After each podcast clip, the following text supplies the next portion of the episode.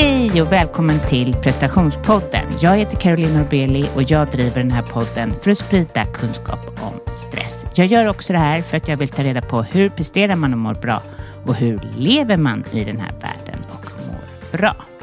Prestationspodden är sponsrad av Högbo Brukshotell och snacka om att jag har fått uppleva en underbar vistelse med min familj i Högbo bruk på det här fina hotellet. Alltså, eh, det är den genuina känslan där allting genomsyras av kvalitet som gör i alla fall att min själ får vila. Och eh, vi, eh, vi har varit där eh, för, förr om åren och eh, vi kommer gärna tillbaka och det, det finns så mycket för hela familjen. Mountainbike, paddel, golf, golfs, fotbollsgolf, ja, bärplockning och eh, eh, pad, att paddla. Alltså, det var det vi gjorde nu. Vi, eh, jag har drömt om att paddla. Jag har inte gjort det tidigare, jo, någon gång kanske, men jag har så gärna velat göra det de senaste åren, men det har bara inte blivit av. Men nu så gjorde vi det i den här magiska sjön Öjaren. Alltså, vi eh, paddlade ut och bara vara sådär i naturen på det sättet och smyga sig fram. Och hade det inte varit för mina pladdrande barn så hade det ju varit helt tyst och man bara skär igenom vattnet. Ja, fantastiskt. Men vi hittade en jättefin klippa och vi åt lunch på den och badade nakna och ja, helt underbart. Sen var det ju min grej, för jag satt längst fram, eh, att hålla håll, håll koll på alla eh, eh, liksom, det är ganska naturligt att den som sitter längst fram håller koll på grund och så. Men jag eh, strä som jag tittar eh, en liten stund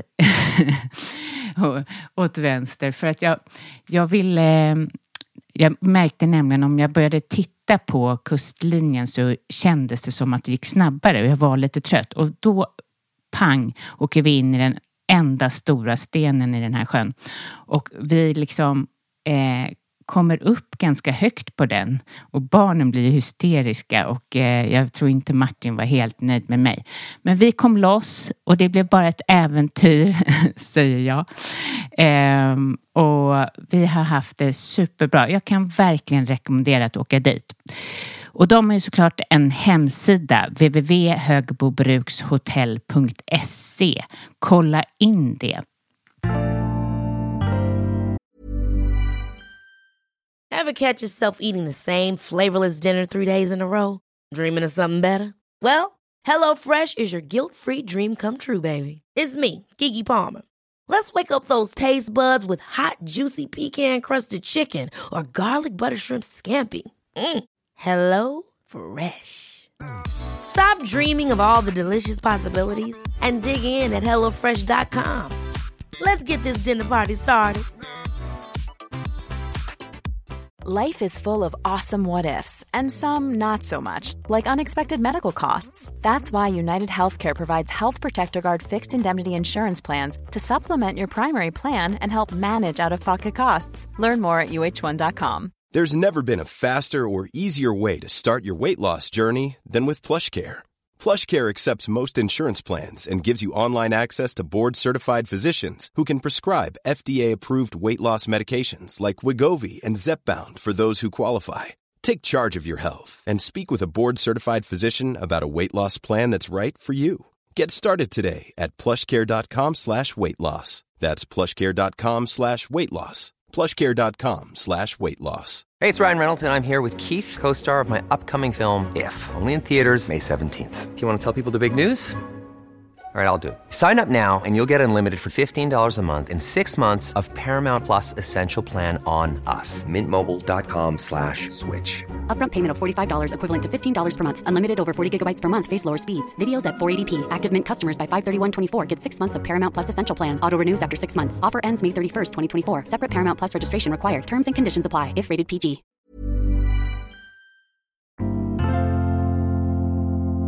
Nu är semestern över för de flesta. Jag har jobbat lite grann den här veckan, börjat smygstarta. Jag var på Yogamanna, Danderydsgatan och träffade två härliga eh, nya kunder som var hos mig för första gången igår och jag bara kom in där på Yogamana, Danderydsgatan och bara Hej, hej, alltså jag hejade på lokalen. Det var ju så länge sedan jag såg. Jag kände att eh, wow, jag är tillbaka och jag känner att jag har en sån helt ny kraft. Ni som har lyssnat på mig länge vet ju att jag var helt slut där i, i våras av olika anledningar och nu ja, känner jag mig redo. Det är väl kul för alla som ska bli coachade av mig. Men att jag har verkligen återhämtat mig och jag är nöjd och stolt med hur jag har jobbat med mig själv och eh, återfått all energi. Jag känner sån inspiration till att göra podden och det jag jobbar med annars. Um, hur som helst så har jag reflekterat lite grann och la upp på Caroline Norbelli coaching om att liksom vad konstigt det är. Nu är semestern över för många och jag undrar liksom hur det kan vara möjligt att vi lägger all, alltså många lägger all krut på sommaren. Alltså att det är så här, då ska man njuta, då ska man vara bra, då, då kan man unna sig lite extra. Då, det, allting händer då. Men, men eh, det blir ju helt överdrivet för att vi får sådana förväntningar.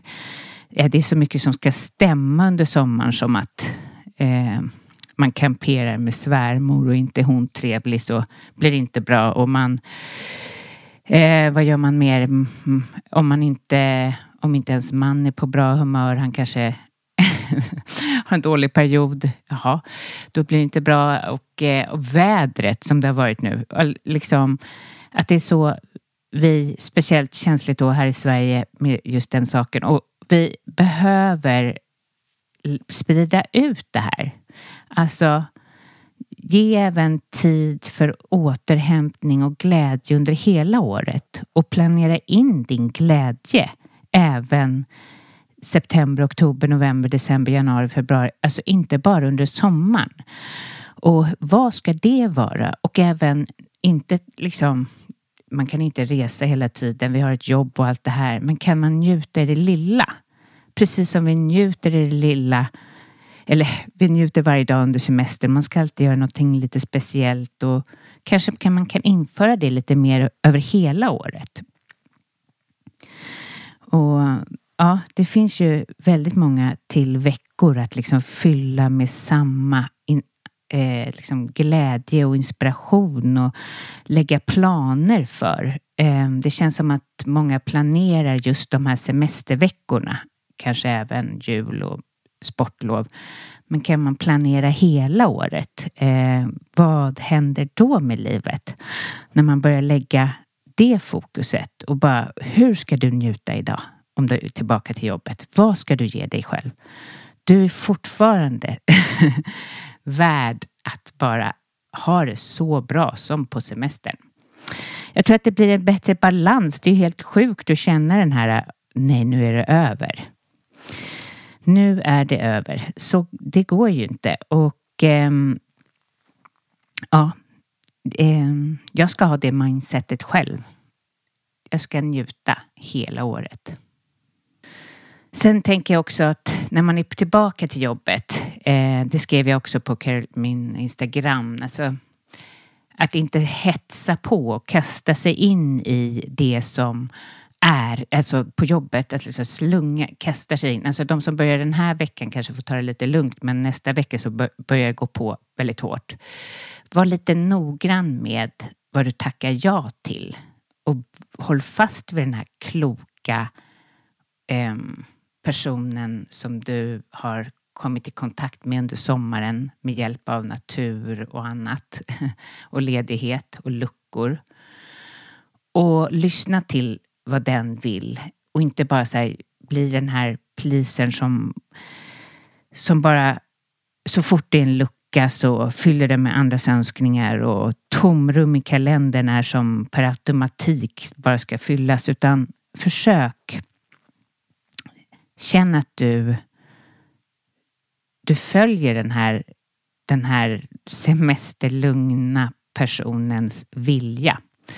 För jag tror att det är den sunda. Den andra som slungar sig efter eh, andras viljor hela tiden och bara säger ja till allt och kastar sig in i saker eh, är, kanske går mer på en desperation. Så håll kvar vid den här kloka, lugna, eh, den här som vet sina gränser lite bättre. Och om, om du inte känner av det så istället försök och sätt gränser och börja redan nu. Se det här som en nystart. Det här är ju nystart. Eh, barnen går tillbaka eller till, kommer till ny klass och man kan tänka sig på samma sätt för dig. Du kommer till, tillbaka till jobbet fast det är ändå liksom chansen att, eh, att göra om eh, och kanske tänk att du slår in dina böcker med nytt bänkpapper och bara eh, skapa nytt. Du kan skapa, eh, göra, du kan liksom programmeras om och alltså skapa dina egna regler. Ja. Jag har platser kvar i min coaching. Är du intresserad av att skapa förändring, eh, minska stress, minska prestationskrav, eh, komma tillbaka till dig själv, finna glädje och kanske känna att du är mer i kontakt med dig själv och mer närvarande så är du varmt välkommen att signa upp på carolinorbeli.com och eh, jag hör av mig så bokar vi ett 30 minuters eh, första besök eller vad man säger, första session och där du får avgöra om jag är rätt för dig. Här har jag en recension som en kund har skrivit och så här lyder den. Genom min coaching hos Caroline har jag lyft bort både stress och ångest. Caroline har på ett mycket professionellt sätt stöttat mig och hittat vad jag behöver ändra i form av tankar och beteenden för att hitta tillbaka till mitt glada, trygga, energifyllda jag. Caroline coachar med hjärtat och är mycket närvarande i samtalen. Så, fint tycker jag. Så boka gärna mig på carolinnorbeli.com.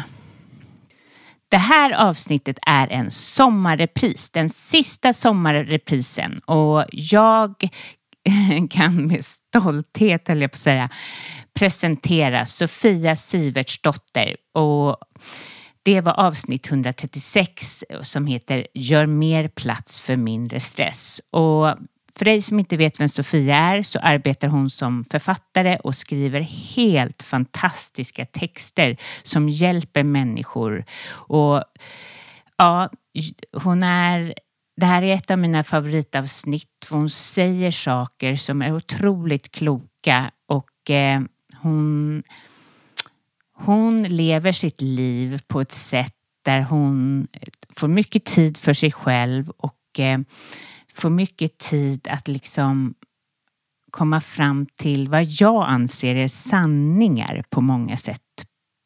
Och eh, därför vill jag ha med det här i podden igen och jag hoppas att ni njuter av det här avsnittet. Så lyssna till Sofia Sivertsdotter.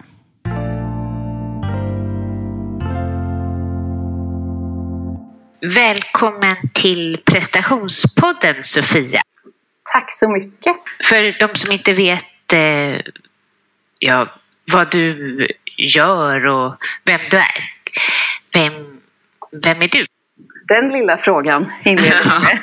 du kan ta den här mera overall. Ja, alltså jag är författare om vi tar den väldigt korta versionen. Hur började, var, varför började du att skriva? Alltså jag har skrivit dagbok sen i tonåren ungefär. Eh, och jag tror att jag undermedvetet alltid har haft, eller sett ett värde i att dokumentera ett liv, eller ja, mitt liv då, i mitt fall. Ehm, för att det blir som ett vittne som visar på hur, ja, men hur, hur rikt och mångbottnat ett liv är. Det är ingenting som jag tänkte på då givetvis.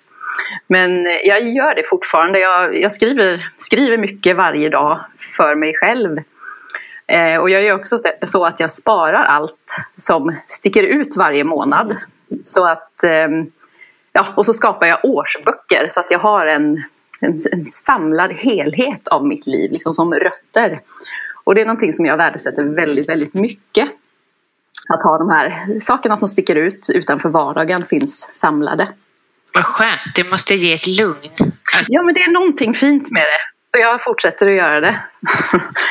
men men hur, hur tar du ut det här som sticker ut? Skriver du igen då i en bok? Ja. är man nörd så är man. Eh, det gör jag faktiskt. Alltså jag går igenom varje månadsskifte går jag igenom både min kalender och sen eh, dagböcker och så anteckningsböcker som jag använder. Och sen ja, petar jag ut det som har varit van, eller utmärkande. Både för ja, men mig, mig själv och mitt liv och min omgivning. Så. Men sen i övrigt så ehm, Alltså jag har alltid haft en, en ganska stor kärlek till det svenska språket. Jag, jag tyckte väldigt mycket om svenska i skolan, hade lätt för det också. Och valde humanistisk linje när jag skulle kliva vidare till gymnasiet och har sedan läst språk. Alltså jag har en kandidatexamen i svenska vilket jag inte valde för att jag hade någon plan med utan för att ja, det var det jag kände att jag ville, ville ägna mig åt helt enkelt. Utan någon yrkesmässig tanke alls på varför jag gjorde det. Men sen skrev jag min första bok 2009. Och sen håller jag nu på med min åttonde bok som kommer ut i september. Ja, vad roligt. Eh, vilken var din första bok? Det är en bok som heter Modig. Och den skrev jag tillsammans med en dåvarande kollega som heter Carl Lindeborg. Och jag jobbade då, eller vi jobbade då båda med individutveckling och eh, ville helt enkelt undersöka ja, men vad som hindrar människor i vardagen. Alltså vad har vi för vardagsrädslor som gör att vi inte använder våra liv fullt ut som vi vill kanske. Så du har inte alltid bara varit författare? Nej, jag har jobbat med individutveckling. Det gjorde jag i 15 år. Eh, framförallt med kreatörer och ledare. Olika ja, kreativa individer som kanske hade en liten ensam position i sin yrkesroll och behövde bollplank. Så. Eh, men jag jobbade alltid holistiskt så att det var inte bara fokus på yrkeslivet utan på, på allt. Ja, eller coach kallade jag mig. Ja, eh, ja trevligt. Då är vi nästan kollegor. Precis. eh, var får du inspiration ifrån? Ja du, alltså den frågan är så svår.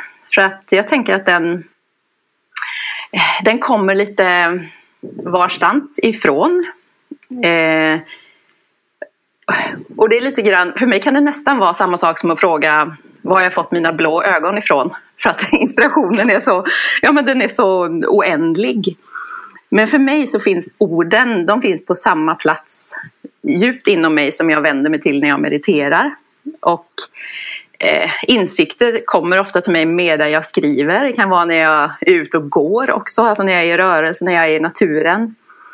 Eh, så, kommer, så kommer orden till mig och inspirationen kommer ofta också när jag sätter mig ner och börjar skriva. Mm. Så det är lite intuitivt? Ja, och jag tänker att orden kommer till mig när jag visar att jag bryr mig om dem. Det vill säga sätter mig ner och ger dem tid. Alltså sätter mig ner för att skriva. Och jag får nog säga att ja, det är på intuition. Jag har svårare för att skriva eh, uppsatser på universitetet. Jag tyckte att det var rysligt begränsande och torrt. Så att ja,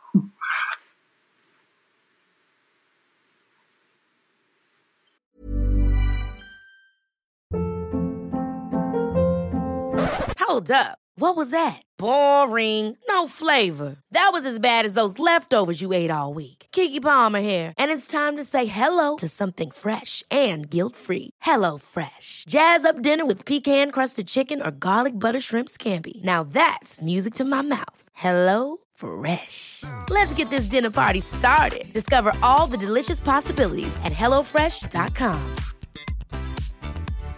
Hey Dave. Yeah, Randy. Since we founded Bombus, we've always said our socks, underwear, and t-shirts are super soft. Any new ideas? Maybe sublimely soft. Or disgustingly cozy. Wait, what? I got it. Bombus. Absurdly comfortable essentials for yourself and for those facing homelessness. Because one purchased equals one donated. Wow, did we just write an ad? Yes. Bombas. Big comfort for everyone. Go to bombas.com slash ACAST and use code ACAST for 20% off your first purchase. A lot can happen in three years. Like a chatbot may be your new best friend. But what won't change? Needing health insurance. United Healthcare Tri Term Medical Plans, underwritten by Golden Rule Insurance Company, offer flexible, budget friendly coverage that lasts nearly three years in some states. Learn more at uh1.com. Vad, ja, det är ju olika böcker du har skrivit, men har du någonting som du, du vill förmedla med dina texter? Jag tror inte att jag har jag får säga tror. Jag har, jag har oftast ingen eller jag har ingen uttalad agenda för, för mina ord överhuvudtaget tror jag när jag skriver. Utan det är de som talar om när de vill skriva. Så jag kan känna så här vilken bok som ligger härnäst inom mig på något vis.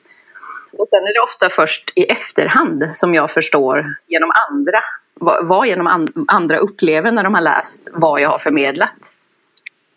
Um, um, men det känns ju som att du har så mycket insikter um, i dina texter. Och de är ju väldigt djupa. Första gången jag kom, kom kom i takt i med, det var med din bok 365 Heter det? Ord, ord för dagen, 365 ja, texter för styrka och sinnesro. Jättelång text, titel. Ja, den är jättelång. eh, men då var det en, då hade jag en stresscoaching-cirkel och så bjöd jag in en god vän som ja, skulle vara med och hjälpa till. Och då läste hon ur den. Mm, och de är så fina. Tar du inte inspiration från saker som har hänt dig i livet bakåt, eller? Jo, det är klart. Alltså jag, det är så svårt och jag tycker det är svårt att tala om de här frågorna för att det är som att... Eh, ja men en lite, om, om, om vi pratar om någonting så är det en liten droppe i en stor atlant. Det finns så många lager i både texter och människor så att de... Ja men både de och vi är hela tiden i rörelse. Och texterna skiftar ju innehåll beroende på oss också, eller betydelse beroende på vad vi är i livet och sådär. Um, och det är ju likadant med, jag skriver någonstans det som vill ut bara. Och var det kommer ifrån, jag, jag kan inte riktigt, riktigt sätta fingret på det. Vad spännande. Kan det inte vara lite så när du coachar också? Jo, det var det jag menar, det, livet är så mångbottnat och flyktigt på en och samma gång. Eh, men givetvis hämtar jag, jag tänker varje dag får vi mängder med ansikten, upplevelser, färger och nyanser som strömmar mot oss. Så allt det där tror jag landar under vår hud på något vis.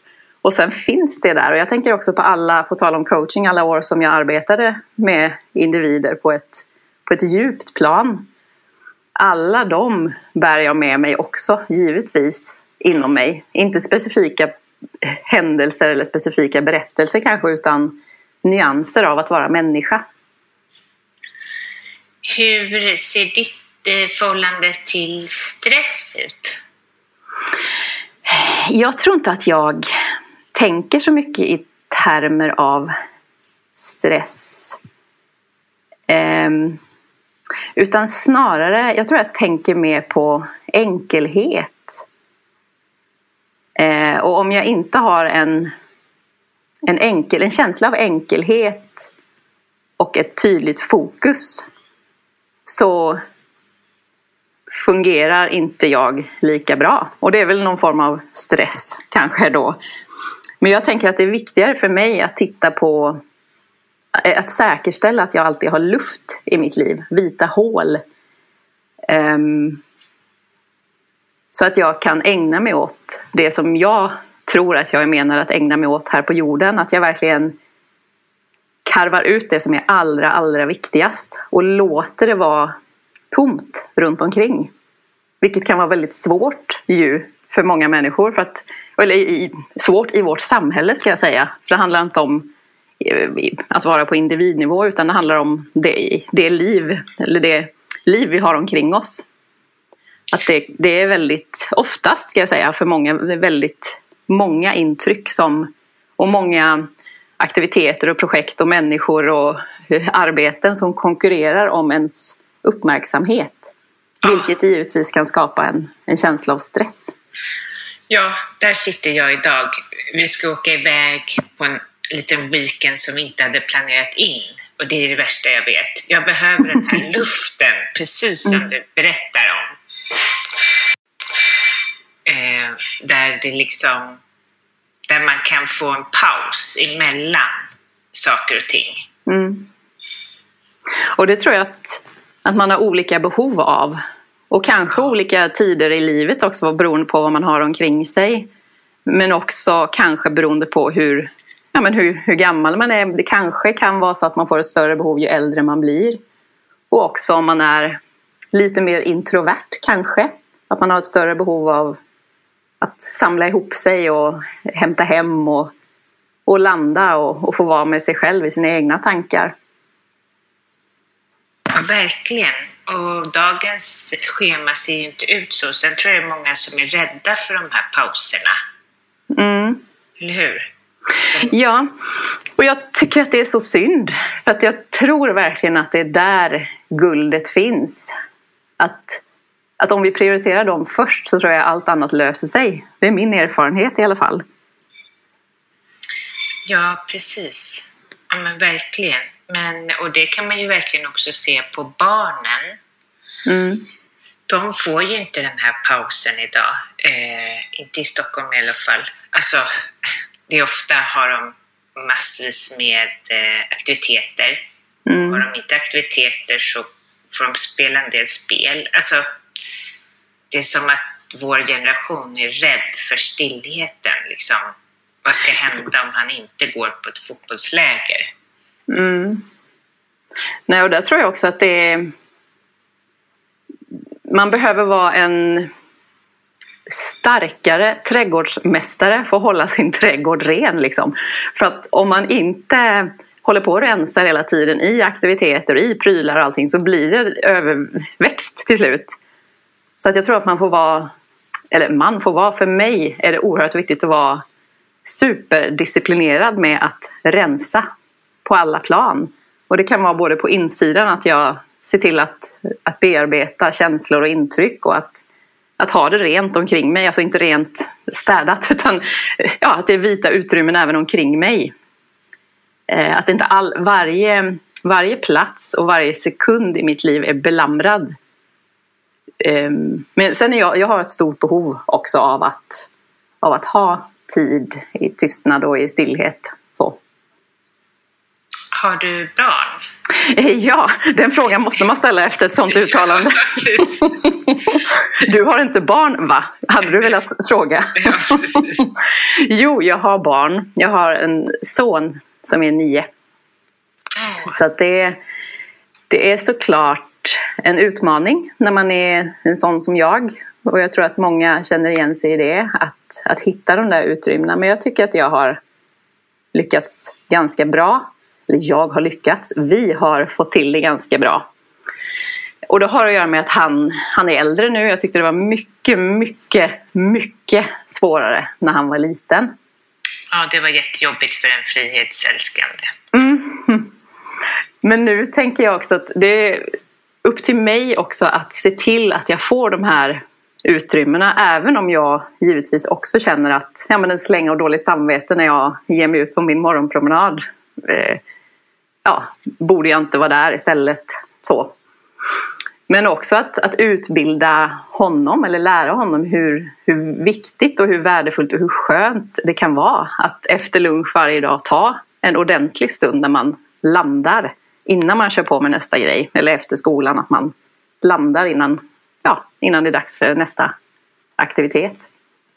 Och sen tiden på stunden på kvällen är också väldigt värdefull för mig när han har gått och lagt sig. Att jag har en stund där, där jag kan få landa verkligen. Hur, hur ser en arbetsdag ut för dig då om man tänker på det? Mm, och det är i stort sett omöjligt att svara på för det ser väldigt olika ut. Dels beroende på om jag är i en, eller var jag är i, skriv, i en skrivfas. För att jag, är, jag tror att jag nästan alltid är i en skrivfas. Eh, och är jag i en aktiv skrivfas där jag ja, skriver aktivt på en bok, då ser det ut på ett sätt.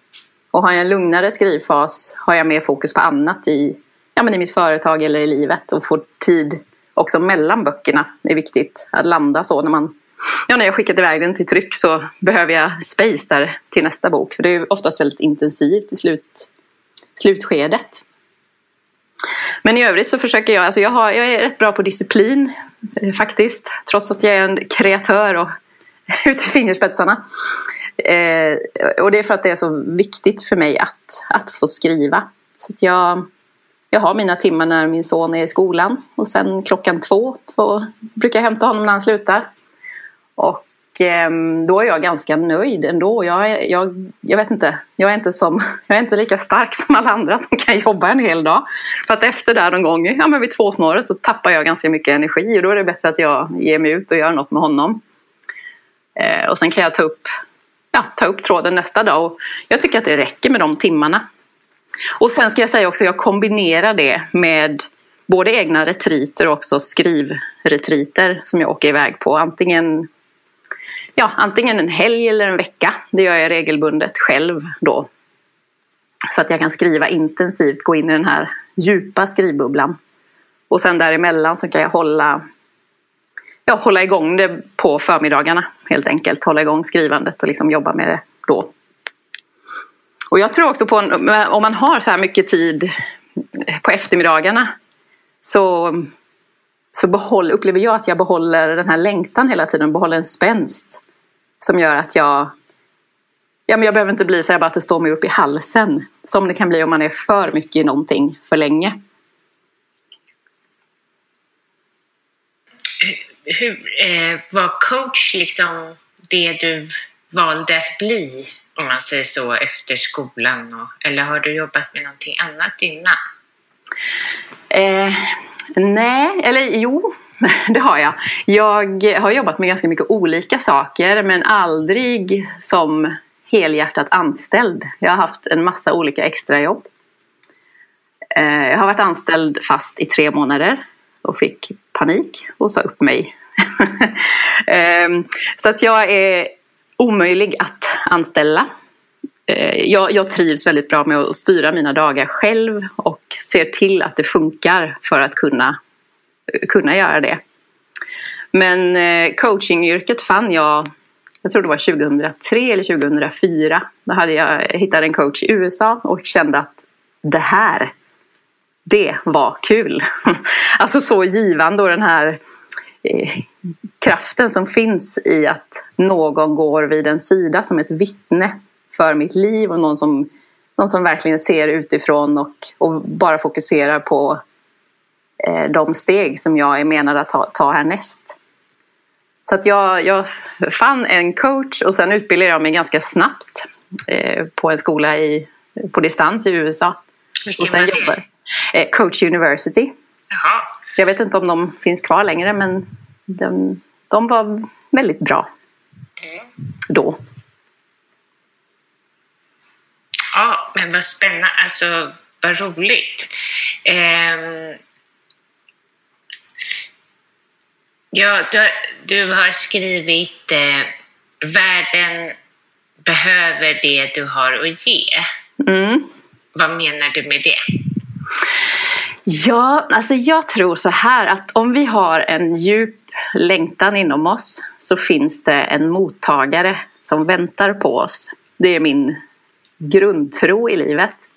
Och jag tror att varje människa kom till jorden med ett syfte som sträcker sig bortom jaget. Ehm, det vill säga att vi kom hit med någonting värdefullt att ge bort. Och jag tror att detta något också går i linje med det vi älskar att göra. Alltså det som ger oss en känsla av liv och meningsfullhet. Så att världen behöver det vi har att ge. Jag tror verkligen att det är så. Om vi går till vår djupa, djupaste kärna och öser ur den så finns det mottagare som verkligen behöver det. Mm. Ja. Eh, tror du att det är vanligt att, man, att folk lever efter det här? Mm, ja, mm. oh, gud, så svårt. Hur många människor finns det på jorden? och sen, jag tänker också att det är på det är på så många olika plan också. Jag tänker inte, det behöver inte vara ett stort eh, livskall.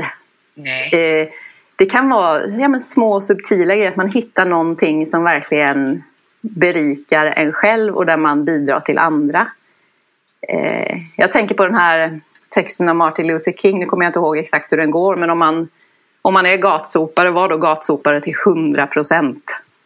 Så, jag, ja, det, det, finns ingen... Det finns så många nyanser av var och hur man kan göra skillnad. Och jag tror att de här vita utrymmena som vi talade om är en förutsättning för att vi ska hitta den där djupa, djupa längtan och den, de djupa värdefulla gåvorna som vi har fått. Verkligen. Det tror jag också. Eller det är jag övertygad om, för det blir så lätt när man hamnar där. Mm. Och man skjuter ju undan det väldigt mycket i sin vardag eh, överhuvudtaget. Från allt från vad man vill, alltså man tänker på det praktiska istället var man ska bo eller istället mm. för att gå efter längtan. Just det. Eh, men kände du att coachingen också var som en djup längtan, eller har det bara mm. varit? Jo, men det var det. Jag eh, känner en, en stor tacksamhet inför alla de eh, hjärtan som har vågat förtro sig till mig. För det är ett, ett oerhört förtroende, tänker jag, att få gå bredvid någon i deras djupa och innerliga utveckling. Så att eh, absolut. Eh, och jag kom till en punkt när det ehm, när längtan efter skrivandet tippade över kanten. Och jag tror att det har att göra med också att i, i coachingrollen så är man, jag, eh, generellt sett en ganska passiv, eller passiv är man ju inte, men man är ändå en, man är som en eh, som en skål som samlar alla de här orden och alla känslorna och tankarna som finns i människan man har vid sin sida. Och till slut upplevde jag att jag, min, min skål var full. Så att jag var tvungen att här, ändra riktning på flödet. Istället för att det gick in till mig var jag tvungen att vända så att det nu går ut ifrån mig istället. Och skrivandet är ja, men ett, mitt, mitt främsta uttryckssätt. Jag är mycket bättre i skrift än vad jag är i tal. så du får en sämre version av mig här. Eh, för att man har tid att sitta och, och tänka. ja, jag förstår. Ja. Men hur har dina böcker tagits emot tycker du? Får du mycket... Jag kan tänka mig att det är många som känner, sig, känner att de blir hjälpta av dina budskap, eller ja, av dina texter. Mm. Alltså, jag är såklart väldigt tacksam för att det är många som läser. Det är ingen självklarhet. Och jag brukar säga att jag någon gång behöver åka runt till alla, varenda yogastudio i hela Sverige och tacka för det var så de började spridas. Att det var yogalärare som läste dem på klasserna. Ja, det var som på vår. Ja, vad roligt. Ja. Men sen jag får ju oerhört många fina kontakter via Instagram och mail och så. Eh, och texterna tycks beröra vissa hjärtan och väcka en längtan. Ehm, men jag tänker så här, även om det är jag som har skrivit orden så är det varje läsare som är delaktig och ger dem en mening. Och, och, alltså alla är medförfattare ju. Eh, och sen ibland kan jag också tycka att ja, men när jag läser mina gamla böcker så har jag skrivit det där? Alltså det, det är på något sätt det är jag som har skrivit det men det bara kommer så att det, jag, jag ska inte ta åt mig äran känner jag. Riktigt. Jag ja, det är något flow. Ja. Men eh, var, varför tror du människor idag, det är, det är ju så många som är stressade och många som mattar ut sig i mm. Sverige. Och kanske ja, i världen, men väldigt mycket här i Sverige. Mm. Varför tror du att det är så? Alltså jag tänker så här att det är snarare konstigt att det inte är fler. Som, ja. um, och jag tror att, ja, nej, och jag tror att vi saknar rum för, eh, för själen, för vita, vita utrymmen. Vi har, vi har inte det naturligt i vårt samhälle, det värderas inte så högt. Jag tror att vi utgår ifrån att vi ska göra mer än vad som är mänskligt att göra under ett dygn eller under ett liv. Jag tror att eh, om vi tar för lite tid för reflektion så missar vi våra innersta viskningar som talar om vad vi egentligen ska göra. Och sen är det det här som vi talade om också att vi får så oerhört många intryck hela dagen. Jag tror att precis som jag berättade att jag, min, min bägare var full så tror jag att det är samma sak med oss. Jag tror att det gör någonting med oss när vi går på stan, genom en stad. Där vi får intryck hela tiden. Vi ser hemlösa som ligger på marken. Jag tror inte att det är naturligt att bara gå förbi dem. Vi ser människor som lider överallt. Vi, vi ser mm, ja, men vi får massor med intryck och budskap via olika skärmar. Jag tror att det blir bara för mycket helt enkelt. Jag tror inte egentligen att det handlar om att vi kanske ja, men gör för mycket utan vi kanske gör fel. Eller så, gör fel, det lät ju inte så. Tar Nej, men vi, in för mycket. Jag tar in för mycket och sen också vi tror att en omöjlig ekvation att vi ska klara av den. För jag, jag tror inte att det går att ha ett hem som många vill ha det idag. Att det går att ha barn, ett heltidsjobb, styrelsearbete, träning. Alltså det, det, det är omöjligt. Det, jag tror att vi alla kan se det om vi så lägger upp det på ett, papper, ett vitt papper på bordet. Så ser vi att nej, men det här går ju inte. Och jag tror att den här magin och den här längtan som vi har efter ett mer, eller vi har, men många har efter att vara närvarande och känna oss som oss själva och simma i vårt vatten. Den, den renodlas när vi går vår egen, alltså vår egen väg och våga välja bort. Eh, alltså jag tänker att ju färre saker vi har i livet desto djupare kan vi gå och desto mer värdefulla upplever vi att våra liv är. Ja, verkligen. Ja, det är bra. Det är kloka tankar, verkligen. Eh, ja, det är ju det, var ju, det är det jag tänker också, att vi är så fullspäckade. Det är ju, det ser jag på mina kunder också. Det jag mm. egentligen hjälper dem med att inte ta på sig mer mm. hela tiden. Det är en strävan att hela tiden prestera mera eller ja, en sak till. Vi inser inte riktigt den där kartläggningen som du just gjorde vi lever sådär i tron om att det är normalt att ha allt det här. Mm. Ja, att barn är någonting som man bara har vid sidan av. Vilket tror jag att de flesta som har barn upplever att så är det inte. Nej. Inte om, om hela familjen ska vara välmående. Nej. I alla fall. Nej. Och det här eh, som du säger med att det kan ligga en uteliggare eller så på gatan och man bara gå förbi. Jag minns när jag var i Paris som, jag vet inte vad jag var, kanske 18 eller något. Jag blev så otroligt berörd mm. av att det var uteliggare där då, för då hade mm. vi inte det i Sverige. Alltså, då kanske det var en, någon det var inte alls på samma sätt. Nej. Och du vet, man skulle gå in på restaurang och det satt någon där utanför. Jag kunde inte ens gå in på restaurangen. Det var så här, vi kan inte gå in och sätta oss och äta. Den sitter ju här ute. Men nu så sitter det ju någon utanför min, för min ICA. Mm. Och man bara, hej hej, ja här har du lite kläder. Alltså det är ju, ja, det är ju som att vi får vara omänskliga. Mm. Ja, där tror jag alltså det är en, en sorglig utveckling att fler och fler upplever jag blir lite avtrubbade och jag tror att det är bland det farligaste vi kan bli. Alltså att Ja men tv spelar vi, eller vi, men de spelar det, det liksom våld hela tiden och det är, det är så mycket mm, Eh, negativa och så mycket våld, våldsamma tankar och beteenden och skeenden som sköljer över oss hela tiden. Och där tror jag att vår uppgift kan vara att hålla vår, ja men som jag sa tidigare, vår trädgård ren. Så att vi behåller lite av vår eh, Paris-tjej. Alltså vår oskuldsfullhet, att vi faktiskt blir berörda av det som vi ska bli berörda av. Mm. Ja, verkligen.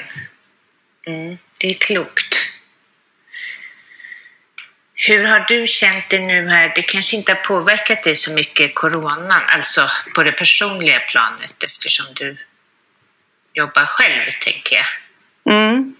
Nej, alltså i, om man nu tittar på min vardag så jag, jag lever coronaliv jämt. Coronaanpassad, förberedd. Mm, och jag är bara evigt tacksam för att vi har fått vara ute i naturen hela tiden. Annars hade jag haft oerhört svårt nu. Ja. Och jag hade också haft oerhört svårt ifall det hade varit oktober eller november när det här Ja. klev in i våra liv. Men annars, jag, ehm, jag påverkas väldigt mycket av det. Måste jag säga att jag, jag har många gamla i min närhet som jag bryr mig oerhört mycket om. Um, Och det är väldigt många som har gått bort i den här sjukdomen. Och det är ju en, en ja nu har jag inte varit där så att jag kan inte jag kan ju inte föreställa mig men jag, kan, jag har varit på en intensivvårdsavdelning eh, och jag kan tänka mig hur det skulle vara att vara där med bara inplastade människor omkring sig helt själv. Så Så det, det påverkar mig väldigt mycket måste jag säga. Att jag, jag känner djupt och starkt för alla som drabbas. Och eh, ja, jag försöker göra mitt allra yttersta för att inte på något sätt utsätta någon annan för, för mig eftersom jag kan vara en potentiell smittbärare. Precis. Jag intervjuade en, en tjej, Matilda, från en IVA sjuksköterska. Mm. Och bara det här att klä på sig den här skyddsutrustningen varje dag är utmattande. Alltså för henne. Och liksom att inte ha, de får inte som sjuksköterska ha kontakt med några anhöriga för det har de inte tid med, det är läkarna som får. Så då, och det är det deras vanliga boost, att få kontakten med dem och den, ah, så att det är så dränerande för dem. Så det var ja, riktigt berörande att, att prata med henne. Mm. Jag förstår. Ja.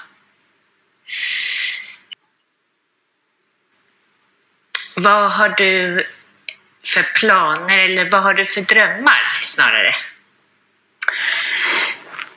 Ja du, alltså jag upplever att jag är på en, en väldigt bra plats i livet på många sätt. Jag, ehm, jag känner, jag, jag fyllde år nyligen, och jag är alltid så oerhört tacksam för att få ett år till. Att det, är, det är ingen självklarhet så att jag jag vill egentligen bara fördjupa och förfina det jag redan har och försöka vara, vara tacksam för varje dag jag får. Och sen, ehm, alltså mina, det är klart att jag har mycket drömmar och planer och en riktning framåt som jag jag jobbar ofta ganska målinriktat vad det gäller mina, mina böcker. Men i övrigt så håller jag det mesta för mig själv och för mina närmaste. Jag tror på att bevara drömmarna i hjärtat och att, att det är lätt att prata sönder saker och då förlorar de sin, ja, men sitt skimmer om man pratar för mycket om dem eller om, om det man har där framme. Mm. Ja, det var fint. Men eh, förutom de här uh, vita luckorna, mm. eller vad säger man, mm, vita, liksom, har du något annat sätt att återhämta dig på? Eh, jag försöker ha det...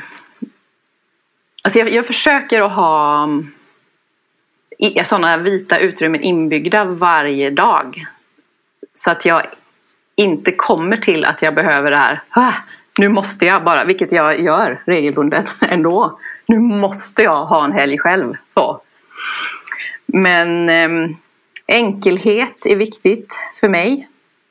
Eh, sen skiftar ju givetvis det här svaret också från en dag till en annan. Om du svarar mig om en vecka skulle jag förmodligen svara någonting annat. Eftersom ja, men livet är förändligt hela tiden och ja, olika livssituationer dyker upp så att man får anpassa sig till hur man, hur man lever. Men enkelhet är någonting som är viktigt för mig. En känsla av ja, men, renhet. Alltså att det är, det är inte för mycket lull runt omkring utan det är några få ingredienser som får gott om plats. Och, och också att jag har tid i avskildhet och tid för att vara i naturen. Tid för att läsa, tid för att skriva, tid för att promenera, eh, tid för mina eh, få vänner som jag verkligen vill, och min familj såklart som jag vill eh, ja, vill ha tid med. Så att det, det, skiftar väldigt mycket beroende på hur livet ser ut i övrigt. Men återkommande är ja, men natur, skriva, läsa, eh, musik. Och så musik. mediterar du va? Det kanske är en del av... Ja, det gör jag. Men det ser också väldigt olika ut faktiskt hur den ser ut. Hur länge och hur mycket. Det beror också på. Ibland behöver jag mer. Men är mitt liv eh, väldigt bra i balans i övrigt så kanske jag inte behöver lika mycket. För då, då har jag den där känslan av lugn med mig hela tiden. Mm, jag håller med. Mm. ja, det är ju härligt. Eh, Ja, men det är inspirerande det här med att hålla ner enkelheten. Det är ju något som jag tror många skulle må väldigt bra av. Alltså, inte ha för många vänner, inte ha för mycket saker. Mm. Ja, eh, värdera få saker mera. Mm. Eh, ja. Där ser det också säkert väldigt olika ut, tänker jag. Eh, jag tänker ju att det skulle alla må jättebra av också. Men sen tänker jag att det kanske vissa som, eller det är det, vissa som inte är så känsliga heller för intryck. Nej. Um, som inte behöver ha det så rent kanske. Precis. Uh, fast samtidigt tänker jag ju då att det ändå kan ge en Ja men en, någon form av ett, ett, form, ett värde. Även för en person som inte är så känslig. Men det vet jag inte eftersom jag är själv känslig för att ha för mycket. Så. Men när du var ung då och mm. kanske inte hade kommit till de här insikterna. Hur mm. tampades, tampades du med det här då?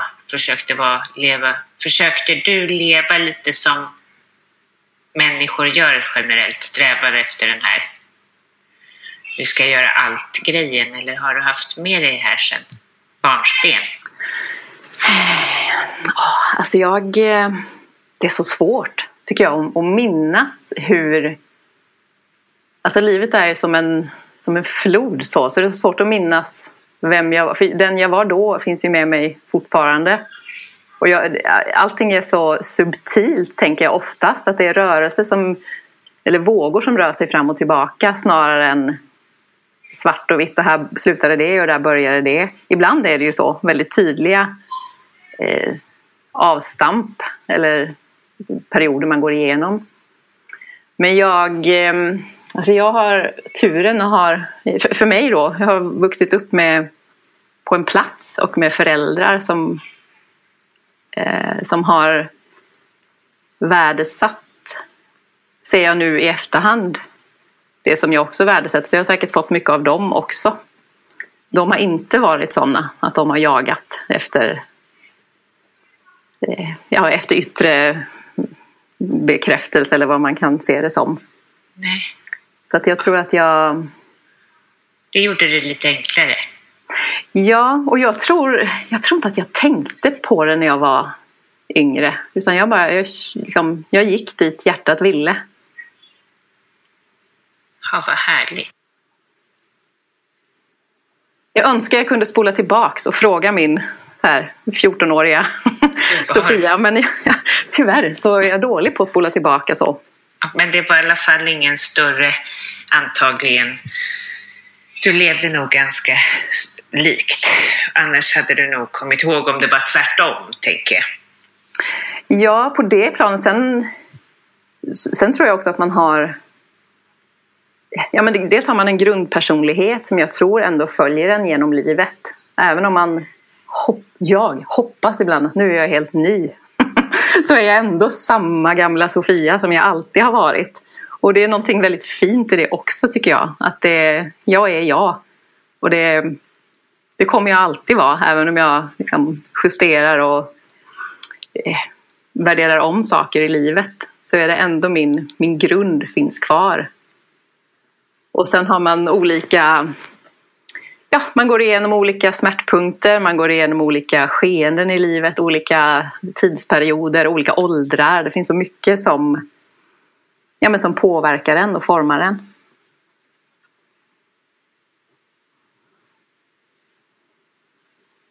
Och den där, alltså det, jag tänker på tal om det som har format en också. Att det, jag tror att det, det är svårt att peka på enstaka händelser eller personer det är en väldigt komplex fråga. Och jag tänker att man har sin, sin släkts DNA. Man har, eh, ja, i mitt fall, det öländska landskapet som jag växte upp i.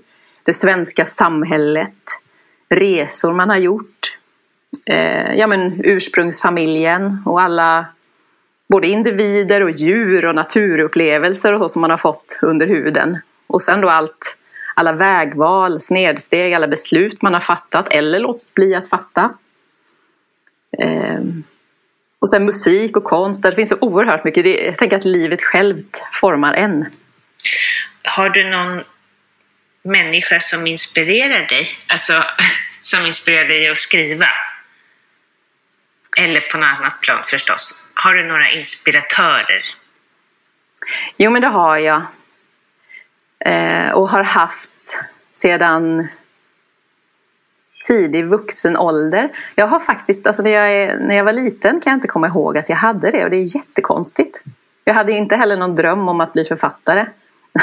Men det kanske jag hade, bara att jag inte kom ihåg det. Um, men annars så har jag, jag har oerhört många som jag inspireras av på olika, inom olika områden. Och ofta är det människor för mig som går på orädda vägar för någonting som de verkligen tror på och, och brinner för och som vågar kliva ur, ja, men kliva ur det här ja, det livet som man kanske är förväntad att leva och, och sikta på någonting större och värdigare som, som man har djupt bevarat i sitt hjärta. Gud vad, det inspirerar mig också och det är verkligen sådana jag vill intervjua här. För mm. vill... Tyvärr är de flesta döda. Jaha, det blir jättesvårt.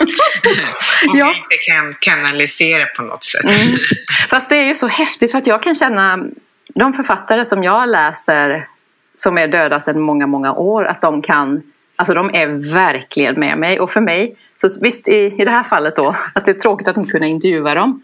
Men det gör inte mig så mycket att de inte finns på jorden längre. Utan de, de finns och deras livshistoria finns där. Och de kan vi få ta del av. Kan du nämna någon av dem? Kanske någon som... Ja, alltså. Jag var nyligen nere vid Dag Hammarskjölds backåkrar där hans sommarhus. Mm. Eh, han är en person som jag blir förundrad över. Ju mer jag läser desto mer förundrad blir jag. En oerhört mångfacetterad människa med en sån kraft och ett sånt djup inom så många områden. Han var en skicklig fotograf, han var aktiv inom friluftslivet. Han var författare, han översatte böcker från franska och engelska.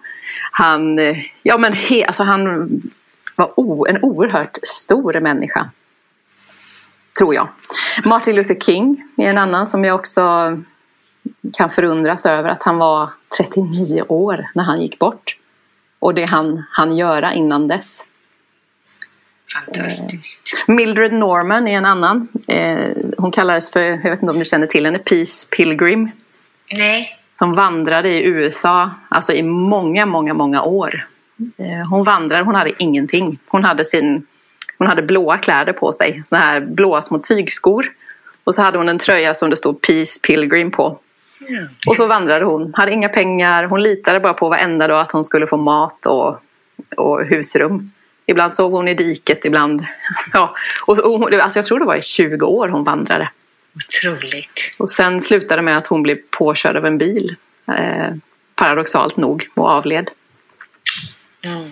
Ja, jag tror, jag tror faktiskt jag har, har, jag har intervjuat en, en person som själv har gått på sådana där vandringar. Inte så mycket, men jag tror att han kanske nämnde henne. Mm, ja, mm. ja.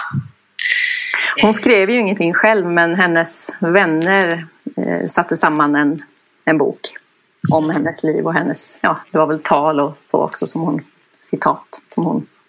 Åh, Ja. vad spännande. Mm, Här blir bra inspiration för sommarläsningen. just det. Eh, vet du vad din nästa bok ska heta? Alltså till 75 procent. Men jag väljer att hålla det för mig själv. För jag är nämligen expert på att gå ut med vad böcker ska heta och sen så hette de inte det sen. Den här jag skriver nu skulle heta Ett ord för själen. Vilket jag har gått ut med till ja, eh, de som hjälper mig med hela den här processen. Men det kommer den inte att heta. Nej. Så att eh, vi får se. Alltså, den är, jag håller på med omslaget här nu. Ja. Den ska skickas till tryck den 17 augusti så att jag har sommaren här och fnula på det sista. Vad härligt det låter. Mm. Det låter som att du har ett ja, inspirerande och, och skönt liv, måste jag säga. Ja, alltså ja, det har jag. Men det är ju inte så att jag alltid sitter så här i meditationsställning och har det. Jag har mina kamper jag med på olika plan, precis som alla andra människor. Det förstår jag. Så att jag inte har utmålat mig själv till någon slags Nej, harmonisk individ som glider omkring. nej, jag tror man behöver ju de här vita luckorna, eller jag på att säga, för Ja. en anledning. För att få... Ja, Mm. och också tror jag smärtpunkter och svårigheter. Eh, jag tror att, ehm, att vi ibland kan ha fått saker och ting om bakfoten. Att vi tror att det som är, det som är bra för oss eh, kanske egentligen inte är det. Och tvärtom, alltså när vi går igenom det svåraste svåra det är då vi får de största gåvorna. För att det är då vi ja, men växer och tvingas bottna i någonting djupare än bara vardagen och det här lättsamma. Så att jag tror att det kanske egentligen, det är lite grann som det är enklare att äta en kanelbulle än broccoli. Eller ja, det vet jag inte om det är men att det är egentligen så här den, den lite svårare vägen som, som ger mest. Även om den är ju inte rolig. Såklart. Alltså det är inte kul att stå mitt i någonting som sliter inom en på något vis. Eller utanför en. Nej, nej, verkligen inte. Nej. Nej, så är det. Och ibland tycker jag inte att det kan märks att man utvecklas förrän senare. Men, Mm. ja. Tack snälla Sofia för att du kom hit höll jag på att säga. Men tyvärr så eh, sitter vi på distans. Mm. Men Nej. tack för att jag fick, fick Ja. sitta på distans. Eller inte Ja. bara att jag fick sitta på distans utan att jag fick komma. och Ja. Ja, och lycka till med nästa bok och ha en underbar sommar. Ja, men tack så mycket och detsamma till dig och till alla er som, som lyssnar också såklart. Ja! Hej då! Hej då, ta hand om dig. Ever catch yourself eating the same flavorless dinner three days in a row? Dreaming of something better? Well, hello fresh is your guilt-free dream come true, baby. It's me, Kiki Palmer. Let's wake up those taste buds with hot, juicy pecan-crusted chicken or garlic butter shrimp scampi. Mm. Hello Fresh. Stop dreaming of all the delicious possibilities and dig in at HelloFresh.com. Let's get this dinner party started. Mom deserves the best, and there's no better place to shop for Mother's Day than Whole Foods Market. They're your destination for unbeatable savings, from premium gifts to show-stopping flowers and irresistible desserts. Start by saving 33% with Prime on all body care and candles. Then get a 15-stem bunch of tulips for just $9.99 each with Prime. Round out Mom's menu with festive rosé, irresistible berry chantilly cake, and more special treats. Come celebrate Mother's Day at Whole Foods Market. Planning for your next trip? Elevate your travel style with Quince. Quince has all the jet setting essentials you'll want for your next getaway, like European linen, premium luggage options, buttery soft Italian leather bags, and so much more. And is all priced at 50 to 80% less than similar brands. Plus, Quince only works with factories that use safe and ethical manufacturing practices.